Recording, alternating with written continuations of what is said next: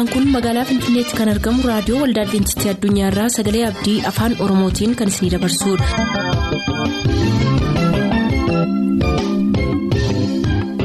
harka fuuni akkam jirtu kabajamtoota dhaggeeffattoota keenyaa nagaa fayyaanne waaqayyo bakka jirtan maratti isiniif haa baay'atu jechaa sagantaan nuti har'aaf qabannee isiniif dhiyaannu sagantaa maatiif sagalee waaqayyoo ta'a gara sagantaa maatiitti haa dabarru.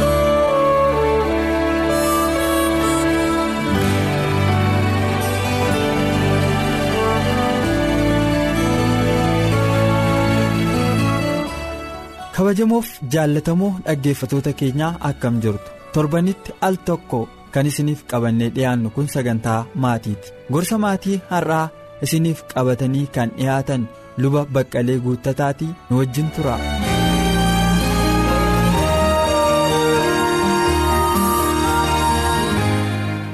egaa mee hamma adventistiin al tokko tokko ala baay'eeyyuu seera fayyaayyuun barsiifti qulqullinaa wajjin kan ol qabate. Egaa isiniinis gara sanatti isin deebisuun barbaada. Isinis egaa kanarratti jabinaan akka isin hojjettan hawaasa keenya barsiisaa akka isin jirtan shakkii hin qabu. Waa'ee maatiis immoo kana keessa jira hidhee yaada. Al tokko tokko abbaan manaa sababii qulqullina haadha manaa isaatiif haati manaas immoo sababii qulqullina abbaa manaa isheetiif nagaa dhabdi jedhameetu hamatama. Inni qulqullina isaa eeggachuu dhiisuu irraa kan ka'e isheen yookiin immoo isheen qulqullina ishee eeggachuu dhiisuu irraa kan ka'e. Kun ammam. Jireenya gaa'ilaa tokko keessatti rakkina uumsa jettanii yaaddu hoo jiraates gorsa maalii laattuuf. Baay'isii fayyaa ta'e gaaffiidhaan ifa goote kallattii kamiin iyyuu wanta isheerraa barbaadu kallattii kamiin iyyuu wanta isarraa barbaadu yommuu hin jedhu waan isan manaa kaafte kana jechuu barbaadeen. Hin jiraata wanta akkasii arraba maatuu fi hafuura jaa'u abbaan hin beekuu kan jedhamu mammaassi jira. Kun rakkoo ta'uu hin danda'a. Rakkoo kiroonikii ta'uu hin danda'adha manaaf abbaa manaa gidduutti. Maayidhaan abbaa manaa kootiin ati qulqullaa'ummaa hin qabdu ittiin jedha natti gaddaa kan jedhu itti dhaga'amuu hin danda'a. Maayidhaan haadha manaa kootiin qulqullummaa hin qabdu ati akkas ittiin jechuu dadhaa kan jedhu sammuusaa rakkisuu hin danda'a. Kun baay'ee rakkisaadha. Kanaafiyyuu kana irratti gilsii waliif ta'uun rakkoo guddaa isa gara fuula isaanii dura jiru hiikuu danda'a. Waan xinnoodhaan wal sodaatanii kana dhiyeessuu jechuun baay'ee rakkisaadha. Kanaafiyyuu. Maatiin baay'een hin diigamu kanaan namni haati manaa abbaan manaa saatisfaakshinii walirraa haara maalan jedheenii kan oromeeffatti kana. Gammachuu miira fayyaa ta'e. Gammachuu miira walirraa argachuun baay'ee barbaachisaadha. Amma walitti dhufeenya haadha manummaa fi abbaa manummaa godhan. Waaqayyoo walitti dhufeenya haadha manaa fi abbaa manummaa beeka. Cubbuus mini kun. Haati manaa fi abbaan manaa foonii walitti dhufuun saalquun namti saalaa gochuun waaqayyoo biratti beekamaadha kabajamaadhas. Kanaafuu kana irratti lachuu isaanii qulqullina isaanii eeggachuutu isaanirra jira. Abbaan manaas qulqullina isaa eeggachuu. Foolii urgaa jedhamanii macaafni qulqulluun iyyuu foolii urgaa walitti ta'uutu isaanirra jira. Foolii walitti tolu ta'uutu isaanirra jira. Foolii walitti tolu yoo ta'an mirri isaanii walitti dhufa akkuma kana garaan isaanii walitti dhufa. Kanaaf inni kun iddoo baay'eetti dhuguma namoota baay'ee gidduutti hin mudata. Ana afuuruma isaayyuu nan jibba kan jedhanii haasa'an jiru. Kan kana dhaga'eera. Afuurumti isaayyuu. Tooxoon ta'uu hin danda'a dhuguun ta'uu hin danda'a qulqullummaa isaa eeggachuu dhiisuu hin danda'a warrumti kun xuuxuuniif dhuguun iyyuu qulqullummaa ofii qaamuun qulqullummaa ofii eeggachuu dadhabuudha. Innaa sababii kanaatiif miira jaalalaa isaa wajjin raawwachuudhaaf utuu qabdu wanti kun immoo gidduu galu jaalala isaanii gara teellaatti hambisaa hambisaa waan adeemuuf faayinaalii gara dhumaatti maalitti dhufu walii wajjin jiraachuun keenya maal bu'aa qaba walitti dhufeenya haadha manummaa abbaa manummaa hin qabnu maayoon isa hiikee. Maaliyoon ishee hiike jechuutti bu'uura ta'uu hin danda'a. Qulqullummaa keenya eeggachuu diduun haati manaas abbaa haati manaas qulqullummaa ishee eeggachuu dadhabuun abbaan manaas qulqullummaa isaa eeggachuu dadhabuun gara walii kootti iyyuu fiduu dhufuu hin danda'a. Walitti hirma hin gammanneef maal hojii wal bukkee jiraa ture kan jedhutti dhufa. Innaa kun qoromsa guddaa namatti fiduu hin danda'a. Ee macaafni qulqulluun hin jedha. Sababii ejjaatiif malee namni haadha manaasaa hiikuu hin danda'u. Abbaa manaa ishee hiikuu hin dandeessu kan jedhu caafamee jira. Garuu waan nama dhibu sababoonni adda addaa jiru akka namoonni haadha manaa isaanii kan abbaa manaa isaanii kan dirqisiisan walii wajjin jiraachuunis du'a isaaniitti kan ta'u jiraachuu hin danda'u. Kun immoo nama biraa kan madduudha nami kanaa fooyyessuu danda'utu sarara jira. Utuu kiristoos biyya lafaarra jiraatee dhufamee gaafame maal jedha wayii kanaa immoo kan jedhutti nu geessa. Waaqayyoo waaqa qulqulluudha. Jechuun maal jechuudha waaqa qulqulluudha waaqayyo jechuun fooliin isaa urgaa'aadha fooliin waaqayyoo fooliin ijoollee waaqayyoos walitti urgaa'uutu isarra jira. waaqayyo qulqulluu akka ta'e isinis qulqulloota taa'aa jedha kanaafuu namni haadha manaa isaatti abbaa manaa isheetiif qulqulluu ta'anii miira walitti urgaa'u qabaachuu foolii walitti urgaa'u qabaachuun baay'ee barbaachisaadha kuyyummuu ta'uu dadhabuu dhugaamaan sitti himaa gaaffiin kun gaaffii baay'ee barbaachisaadha sababii ejjaa duwwaa utuu hin ta'in sababii kanaatiif illee namoonni wal gadhiisan hedduu isaaniitu jiru. Amma uummata wajjiniin rakkadhaa waan akkasii kana wajjiniin kan jedhani. Gara cubbuu keessa of gashanii firdii jala kan of gashan walitti kan farachiisan illee namoonni jiru. Kanaafuu namoonni keenya kanarraa baratanii haati manaaf abbaan manaa qulqullummaa isaanii eeggatanii kun maal jechuudha dhiqatanii qaama isaanii sirriitti eeggatanii hafuura gaariitii walii wajjiniin jiraachuun baay'ee barbaachisaadha jedhee yaada yaaduu duwwaa moomini kun seeruma fayyaati seera jireenyaatis. Gooftaan guddaa isin haa eebbisu naannoo gaa'ilaatti godhamu keessaa saaxoo yookaan caakkaa jireenya gaa'ilaa balleessan keessaa kanneen akkas akkasii ciruudhaaf qulqulleessuudhaaf hawaasi keenya irratti hojjechuun amantoonni keenya dhaggeeffatoonni keenya irratti hojjechuun bu'uura jireenya maatii tokkoo gabbisuu akka ta'e gaarii gootanii waan nuuf ibsitaniif galanni koo guddaadha. Amma moomii gara daa'immaniittiin isin deebisa al tokko tokko egaa erga ol fuudhanii booddee wanti taansee dhufu daa'ima godhachuudha waan ta'eef. Daa'ima erga godhatanii isheen mucaakootti hin bu'inetti inni immoo xinnoo sharaabiidhaan waa xixiqqoodhaan rukutee qajeelchuu barbaada. Kanarraa wal hubachuu waan dadhabaniif al tokko tokko daa'imni inni tokko haadhasaa inni tokko immoo abbaasaa guddisee jaallata. Rakkina kana maqsuuf maal isaan gorsitu? Maatiin wantoota akkasii guddisa daa'immanii irratti karaa akkas akkasii hanqinni tokko tokko mul'ata. Yaada isaaniif dhaamsa dhaamtan qabdu. Baay'ee kanan dhaamu dhaamsi guddaan jira. Dhugama dubbachuudhaaf ka waldaa adventistii guyyaa torbaffaatti dhimma maatii ilaalchisee baay'ee badhaadhoodhaan sagalee afur raajitiin gorsa bal'aatu jira. Namni gattaa'ee kana utuu qoratee utuu beekee utuu baratee waan nutti hir'ate hin jiru. Waaqayyoo. Daa'ima keenya akkamittiin akka qabannu dargaggoota keenya akkamittiin akka qabannu ati mana abbaan manaa akkamittiin akka walii wajjiniin jiraatan sagalee afuura raajii keessatti mana adventistii kan jedhu adventistii hoom bal'inaan kaa'amee jira. Namoonni keenya utuu kanatti jiraatanii akka tamma jettee jechi keenyatti tole saaxoo waan wal xaxaadha wanta nanna namaatti qabatu qamaxxee waan akkasii kana hundumaarraa bilisa ta'uu hin danda'a. Kanaafuu haadha manaa abbaa manaa gidduutti rakkoos waldaadhaaf. Mana barumsaa hawaasa keessa jiraatan gidduutti fiduu kan danda'u daa'imman irratti ilaalcha adda addaa haati manaa abbaan manaa qabaachuudha. Ilaalcha adda addaa qabaatu uumamumaan ta'ee ani hin beeku haadholiin ijoollee isaanii baay'ee golgu. Yoo isheen hamaa hojjettes innoo homaan goonee? jedhu. Abbaa manaatti immoo himan isheen homaan goonee? jedhu. Ijoolleen immoo dhaggeeffatti kana. Gara isaanii goru. Yoo abbaa manni ittaanee ittaaree atarra waa nyaachuun illee sirra hin jiru jedhee wanni. Yaada tokko murtoo tokko wanni fudhate karaa boroodhaa gashaniitu haadholiin mucaa isaanii kana nyaachisu obaasu. Yoonni waan tokko guutuu fi didee ani kana siin godhu sababiitti kana bal'eessiteef jedhee wanna adaba tokko irraan ga'e isaan immoo karaa gara biraa dhaqanii raawwatuuf. Yeroo baay'ee haadholiin ijoollee isaaniitiif baay'ee gara laafota. Sirriidhas immoo ta'uun gaariidha. Kun namatti tola. Haadhummaan akkasii gara laafina ijoollee isaaniitiif qabaachuun.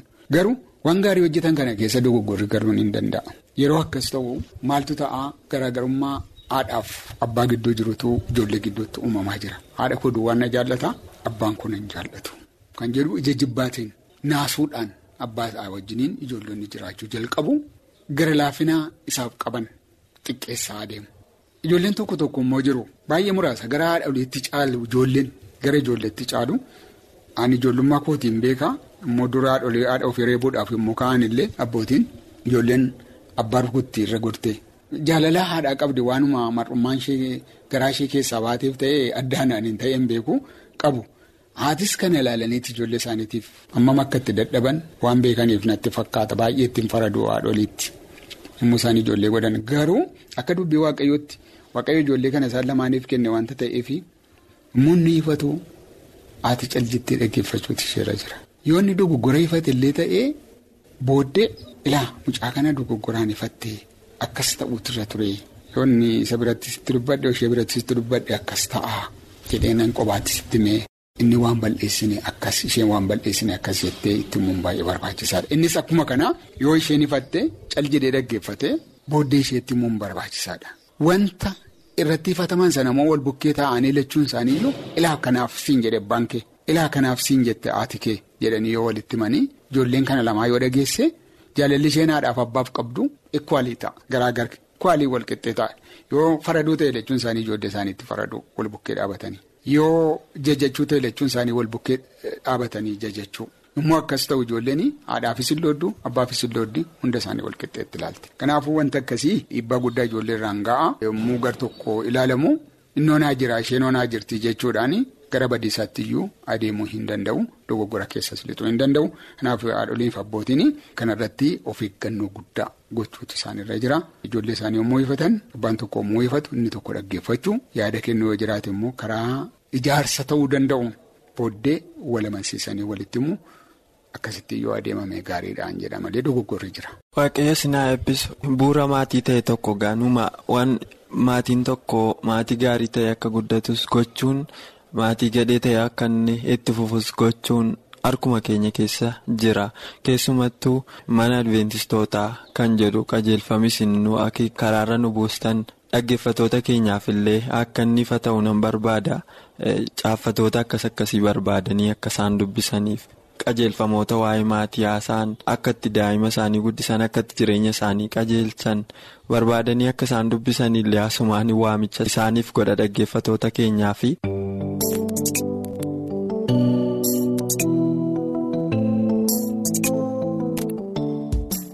kan jaallatamtan kabajamtoota dhaggeeffatoota keenyaa sagantaa gorsa maatii har'a isiniif qabannee dhiyaanne asuma irratti yoongoo labu asumaan nagaatti isiniin jechaa.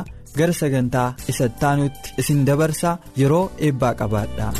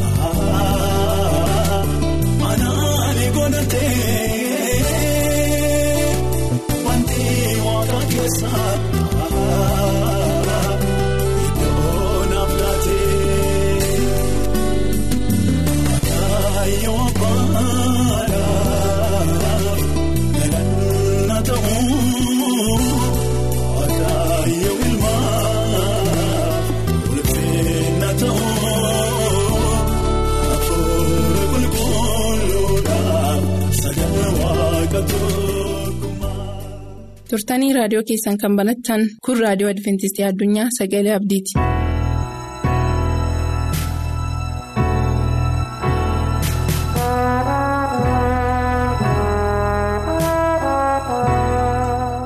attam jirtu dhaggeeffattoota sagalee abdii bakka jirtan hundumaatti nagaan waaqayyoo isiniif haa ta'u jechuun jaalladha ani maqaan koo efreem waggaariin jedhama mata duree yeroo ammaa kana utuu isiniif hin qoodiniin fuuldura bakkuma jirrutti waaqayyoon kadhanna.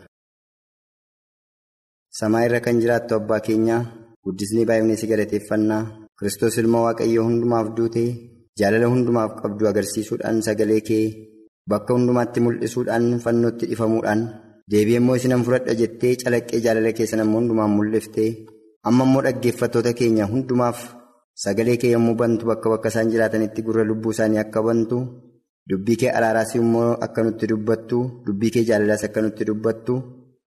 Si kadhannaa faayisaa keenya gooftaa keenya yesus kiristoosiin kana hundumaa immoo nuuf raawwatta jaalala kee yoo ta'e ameen. mata dureen keenya yeroo ammaa kana kan jedhu isa gaarii lola amantii loli kan jedhu walii wajjiniin ilaalla isa gaarii lola amantii loli dhimma kanaa fi goota amantii kan ta'e iyyoobiin nama amantii qabeessaa fi obsa qabeessaa waaqayyoon kan sodaatuuf waaqayyoon kan jaallatu nama kana walii wajjiniin ilaalla. Namni kun jireenya isaa dhiphateera, rakkateera, dhukkubsateera. Sana keessatti waaqayyoon jaallachuu isaatiin waaqayyoon utuu hin yakkin utuu hin mamin waaqayyoon kadhachuudhaan amantii qabaatee waaqayyoo araara isaaf baay'ise. Maarree dhaggeeffattootaa hundumti keenyas akka jiraannuuf bakka jiraannu hundumaatti rakkinni nurra ga'aa, dhukkubnis nurra ga'aa, balaanis nurra ga'aa. Garuu waaqayyo balaa ammaataatti dabarsee akka inni nuun laatee dubbii kana keessatti waa hubanna. Iyyoob boqonnaa kudha ja'affaa keessaa lakkoofsa kudha shanii kaasnee yommuu caqasnu maaqii gogaa kootii hodhadhee gaafa koo'is biyyoo keessa dhoksee kan jedhu arganna ulaa sana keessatti. Maaqii gogaa koo'is hodhadhee gaafa koo'is biyyoo keessaa dhoksee fuulli koo boo'ichaaf diimatee qola ija koottis gaaddibni du'aa jiraa jedha. Mee haala jiraannuuf iddoo jiraannu keessatti dhuunfaa jireenya keenyaa keessatti dhiphinniif qoriin hundumaan nurra ga'u haala dhukkubaatiin haala dhabiinsaatiin haala hiyyummaatiin haala adda addaatiin haala hawaasaatiinis ta'e wanti baay'een nurra ga'uu danda'a.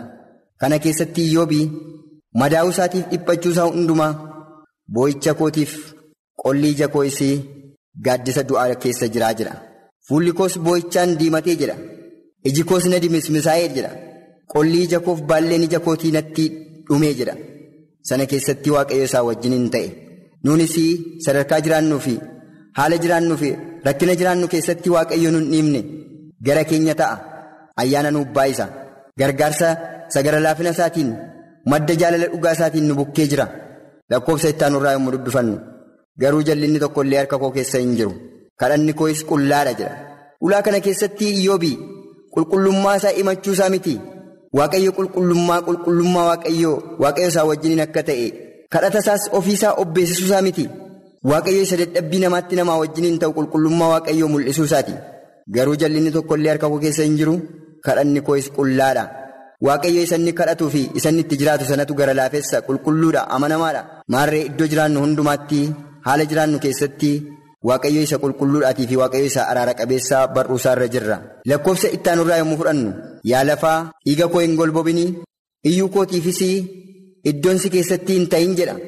Bakka jiraannu keessatti daacheen kun rakkinni keenya haala hiyyummaanis ta'e haala qofummaatiin fira dhabuu keenyaan lammii dhabuu keenyaan gargaarsa dhabuu keenyaan yeroo baay'ee lapheen keenya nu dhaatti miilli keenya nu siigaata sammuun keenya gara dhiphinaatti nu kaata. Kanaaf ulaa kana keessatti iyyoobii dhimma kana wal qabsiiseeti kan inni dubbatu yaa lafaa dhiiga koo hin golbobini iyyuu kootiifis iddoon si keessatti hin ta'in iddoon si keessatti hin ta'in dacheen amma keessa jiraannu kun addunyaan kun ilmaan namootaa kamiif iyyuu kan iltu tokkoyyuu hin qabdu rakkinaaf haala hammacama baay'eedhaan rakkina hawaasummaa haala dinagdee hundumaatiin Daacheen keenya kun baay'ee hammaataadha. Dhaggeeffattootaa bakka jiraattanitti. Ammas dhugaan koo kunoo waaqarra jira. Jajjabeessaan koo'is ol jira jira. Ammas dhugaan koo kunoo waaqarra jira. Jajjabeessaan koo'is ol jira. Nu hunduma keenyaaf hiyyeessa dureessa utuu hin jedhin saba hundumaaf nama hundumaaf dhiigni fayyisaa keenya kan dhangala'e iyyoob isa kana dubbachuu isaati. Dhugaan koo waaqarra jira. Jajjabeessaan koo'is ol jira. Waa'ee fayyisaa keenyaa nutti dubbachuu isaati. Hamma har'aatti nu wajjiniin jiraachuu isaa nutti dubbachuu isaati. Lakkoofsa ittaanu keessaa gara 21 tokkoffaasaa keessaa mucaqasnu michoonni koo'is natti gahisanii iji koo garuu gara waaqayyootti hin bu'a kan jedhu argina. Michoonni attam nu jaallatan gatiitti isaanii gadis kan taane gatiittis kan guunnu kan taane firri jaalala keenyaa eenyu amma eessaatti kan nu wajjiniin adeeman jettanii yaaddu kanaaf iyyoob kana dubbachuu isaati. Michoonni koo natti gahisanii iji koo garuu gara waaqayyootti hin bu'a. Yommuu gara waaqayyo keenyaa ilaallu waaqayyo isa haalan ilaalle isa gatiitti naman ilaalle. Safiraaf lammiin ilaalle waaqa akkasii kanaa wajjiniin bara dhumaaf yeroo raawwataa kana keessatti iyyoobi waa'ee waaqayyoo ibsuu isaati. Kanaaf iji koo garuu gara waaqayyootti hin bu'a.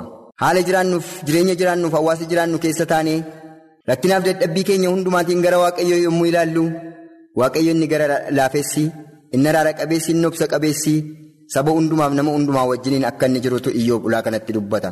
Maaloo tokko namaaf waaqayyotti kan falmu utuu jiraate. Ilmi namaas hiriyaasaatti kunoo barattiin yattunuu hin darbiti. Anis karaa deebi'een adeemnen adeemaa jedha iyyoob anis karaa deebi'een adeemnen adeemaa. Dubbii kana keessaa maal baranna? Waaqayyo saba hundumaaf nama hundumaatti dhiyaachuusaa akka rakkina namni qabuutii fi akka hanqina yaada namaatti akka dadhabbii namaatti hawaasa nama kamiijjiniyyuu waaqayyo jiraachuusaa nutti dubbata ulaa kana keessatti. Kanaaf waaqatti kan jaallatamtan firoota waaqayyo. Dhaggeeffattoota sagalee abdii waaqayyo gara laafessaa obsa qabeessaa araara qabeessaa eekkabsaaf kan hin ariifanne araarri isaa immoo maayikiraayi sekendiitti nama hundumaa wajjiniin biyya hundumaa wajjiniin kan jiru iyyoob bara isaatti dubbisaa dubbatee darbeera. Paawuloos sulaa kana keessatti Timootiyoos lammaffaa boqonnaa afur lakkoofsa torbaaf saddeet keessaa isa gaarii lola lolee kaachuu koo raawwadhee amantii seege. Egaayis gonfoon tolaan qophaa'eera waaqayyo kan naa kennu guyyaa sanatti inni tolaan abbaan firdii suni ana duwwaafis miti. Mul'achuusaa kan jaallatanu hundumaaf immoo malee. Mul'achuusaa hundumti keenya. Mul'achuu waaqa guddaatiif kan fayyisaa keenyaa kan yesus kristos eegna isa arguudhaafis jirra. Isa kana paawuloosis dubbachuusaati. Kanaaf haala jiraannu kana keessatti bakka jiraannu keessatti. Waaqayyo araara qabeessa nama hundumaaf akka inni du'e nama hundumaaf gara laafessaa akka inni ta'e nama hundumaaf obsa qabeessa akka inni ta'e barruu isaatti immoo namni hundumaa qiraxamuu isaati ulaa kanatti kan dubbatu namni hundummiyyuu immoo araara waaqayyootiif ayyaana waaqayyootti jiraate gara laafina waaqayyoof arjummaa waaqayyoo akka beekuufidhaafi kanaaf dhaggeeffattoota bakka jirtan maratti araarri waaqayyoo nama hundumaaf saba hundumaa wajjiniin jira kanaaf waaqayyo gurra nama hundumaatiin dubbiinsaa ga'uunsaa. Namni hundinuu waaqayyotti tokko ta'ee dhiiga fayyisaa keenya yesus kiristoosiin akka inni bitame hubachuusaa sagalee isaa karaa qilleensa irraa waaqayyo kan nuuf heeru bakka dhuunfaa keenyaas jiraanne bakka maatii keenyaas jiraanne iddoo hojii keenyaas jiraanne waa'ee waaqayyo caalchifnee itti yaaduun barbaachisaa akka inni ta'e. Iyyoob boqonnaa kudha ja'affaasaa keessaa ammas yommuu fudhannu lakkoofsa lammaffaasaarraa dubbii akkanaa ani danuu dhaga'eera jedha. Iyyoob maa inni isa michoonni isaa isaa. utuu jajjabeessanii itti gahisanii utuu isaa wajjiniin ta'anii kanaaf haala jiraannu keessatti amma haalli rakkinni walxaxaan tokko nutti dhufuu danda'a firoonni keenya haantiin keenya lammiin keenya dhufanii nu jajjabeessanii rakkina sana keessatti abdii nu kutachiisuu danda'u ta'a kanaaf isinis hundumti keessanii jedha utuu na jajjabeessanuu na dadhabsiiftuu jedha firri keenya lammiin keenya namoonni attam jaallannu namoonni attam garaa keenya itti ergisnu hojiidhaan illee tokko kan taane hidda dhalootaan illee tokko kan taane. utuu nu jajjabeessanii kan abdii nu kutachiisaniitii fi kan haala keenya nutti dukkaneessan jiraachuu malu ta'a. Walxaxaa jireenya keenyaa keessatti iyyoobi ulaa kanatti inni dubbatu isa kanaadha. Ammam keenya abdii waliif taanee ammam keenya gara fayyinaatti toora fayyinaatti kan wal geessinu ta'a. Dubbii akkanaa ani danuu dhaga'eera. Isinis hundumti keessan utuu na jajjabeessanuu na dadhabsiiftuu jechuunsaa lakkoofsa lammaffaasaa kanarratti dubbachuunsaa kanaaf iyyoo. Kanaaf waaqayyo nama dadhabsiisu waaqayyo abdii nama kutachiisu. Waaqayyo yeroo araara namaas immoo baay'ee kan itti dabalu waaqaadha. Waaqa akkasii kana inni saba hundumaaf nama hundumaaf bukkee namaaf dadhabbii namaatii fi fageenya namaatii fi kufaatii namaaf ka'umsa kan namaaf ta'u waaqa akkasii kana qabna. Kanaaf dubbiin waaqayyoo gara saba hundumaaf gura nama hundumaa ga'uu jaallata. Lakkoofsa sadaffaa isaarra anis immoo akeeka keessan dubbachuu nan danda'a. Namummaan keessan qooda namummaa koo utuu ta'ee dubbii isinirraa ka'uun naa danda'ama ture. Mataa koo'is waa'ee keessaniif narraasan ture jedha. Mataa koo'is waa'ee keessaniif narraasan ture. Kanaaf namni kun nama hubataadha. Nama obsaadha. Nama waaqayyoon garaasaa keessaa qabuudha. Ammam nutti dhaga'ama ree dhimma kana keessatti dubbiin waa'ee nama kana dhaggeeffattootaa eeyyee hundumti keenya daacheef addunyaa kana jireenya aduu keessaa kana jira jirra. Rakkinni nama kamiin iyyuu kan hin quunnamne hin jiru. Waa'ee rakkoo kanaatiif hunduma keenya akka akka dhuunfaa keenyaatti itti akka yaadnuutiifi. Sana keessas jiraannee ammam waliitiif abdiif jajjabina akka taanuutiifi ta'aas akka jirru ammamis immoo gara dadhabbiitti akka wal geessinu sa ta'utu sagaleen waaqayyoo nutti dubbata. Kanaaf waaqayyo sanarra kan caale saba hundumaaf nama hundumaaf jajjabeessaa isa ta'ee iyyoof dubbatee darbe. Dubbii afaan kootiinis isinan jajjabeessan ture jabeessuun dhiikoo isii. Dhukkuba keessan hin dhoowwa ture. Kanaaf hunduma keenya maaltu nutti dhaga'ama ulaa kana keessatti iyyoobi obsa qaba jenneerra nama amantii qabu jenneerra nama waaqayyoon jaallatu jenneerra hunduma keenya ulaa kana keessatti maaltu nutti dhaga'ama bakka jiraannutti sagalee kana kan dhageenyu gurri dhageettii keenyaa ammam gara sagalee waaqayyoof dubbii waaqayyoo isa gaddeebi'ummaa keenyatti isa qofummaa keenyatti isa dhabiinsa keenyatti isa haalli hawaasaa. nuuf hin taane keessatti akkaataa nuuf ta'utti nutti dhiyaatee nu jajjabeessu dubbii waaqayyoo ammam. Hirmaannaa godhannaa ammam gurra keenya ergifna. Ani yoon dubbadhee dhukkubni koo natti hin salphatu yoon calluma jedhees nan dhiisuu jedha iyyoobe madaasaa keessatti hamma lafeesaatti hamma jireenyi isaa dadhabetti. Kanaaf ammas dhugumaan na dadhabsiisee waldaa koo hundumaa diigee sunturuun koo isii dhugaa natti hin ba'aa. Huqqachuun koo isii natti hin ka'aa jedha. Waldaa koo jechuunsaa namummaa koo jechuusaadha. Namummaa isaa isa wal qabatee jiru. Lafeesaaf ribuusaa isa wal qabatee jiru. Sana keessatti ammallee dhaggeeffatootaa iyyoobii dubbachuusaa kana keessatti dubbii nama amantii yookaas immoo dubbii jajjabinaa dubbate bakka jiraannu kana keessatti nus waaqayyoon abdii amanannaa keenyaa godhanne gurra dhageettii keenyaa kanas waaqayyoof banne gara garaa keenyaatti waaqayyoon fudhannee. abdii jajjabinaa waaqayyoon akka godhannuuf waaqayyo sagalee dhageenya nuuf haa eebbisu sagantaa itti aanu wal arginutti nagaan tura isa dhageenya nuuf haa eebbisu waaqayyo maqaa isaatiin.